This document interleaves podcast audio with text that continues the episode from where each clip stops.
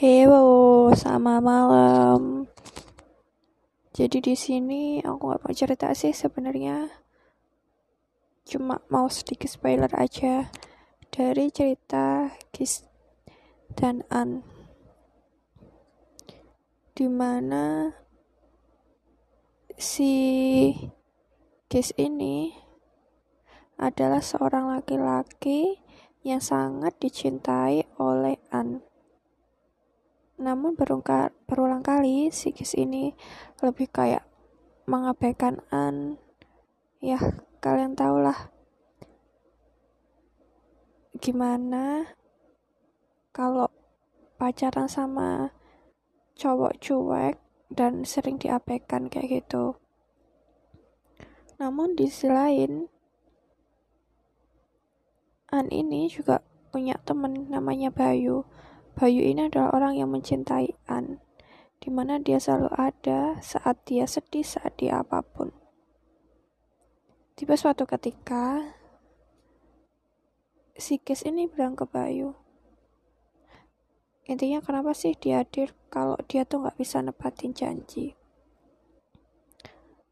Terus dia bilang gini, sama si si An misalnya kalau ada sesuatu yang buruk ya nanti bakalan lupa. Kalau dia ada hal baik ya kamu harus pakai. Intinya kayak gitu. Kalaupun sedih kita nggak selamanya sedih dan yang menyenangkan suatu saat juga pasti akan sirna. Yang terpenting kita harus terus belajar dan memperbaiki diri. Karena alam semesta dia akan menunjukkan takdirnya. Ya intinya intinya tuh kayak gitu. Jadi dari situ juga dari cerita Sikis dan An ini tiba ketika si An itu sudah dan dia mengucapkan kata-kata kalau berterima kasih untuk seseorang yang selalu ada segala macam menspesialkan dia. Di situ ada Kes dan Bayu dan orang yang diucapkan adalah si Bayu.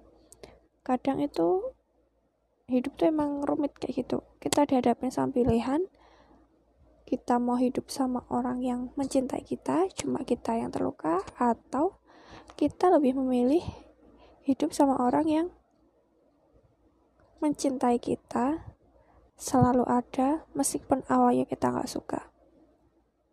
Kadang dari situ gue berpikir kapan ya ada orang kayak gitu?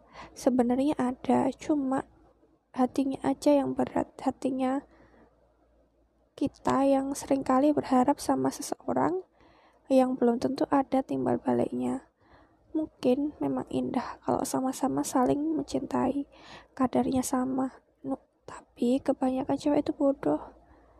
Kadar cinta mereka itu lebih besar daripada laki-laki sehingga menyebabkan dia itu lebih mudah dimanfaatkan, lebih mudah untuk disakiti, bahkan diselingkuhi berulang kali pun dia maafkan.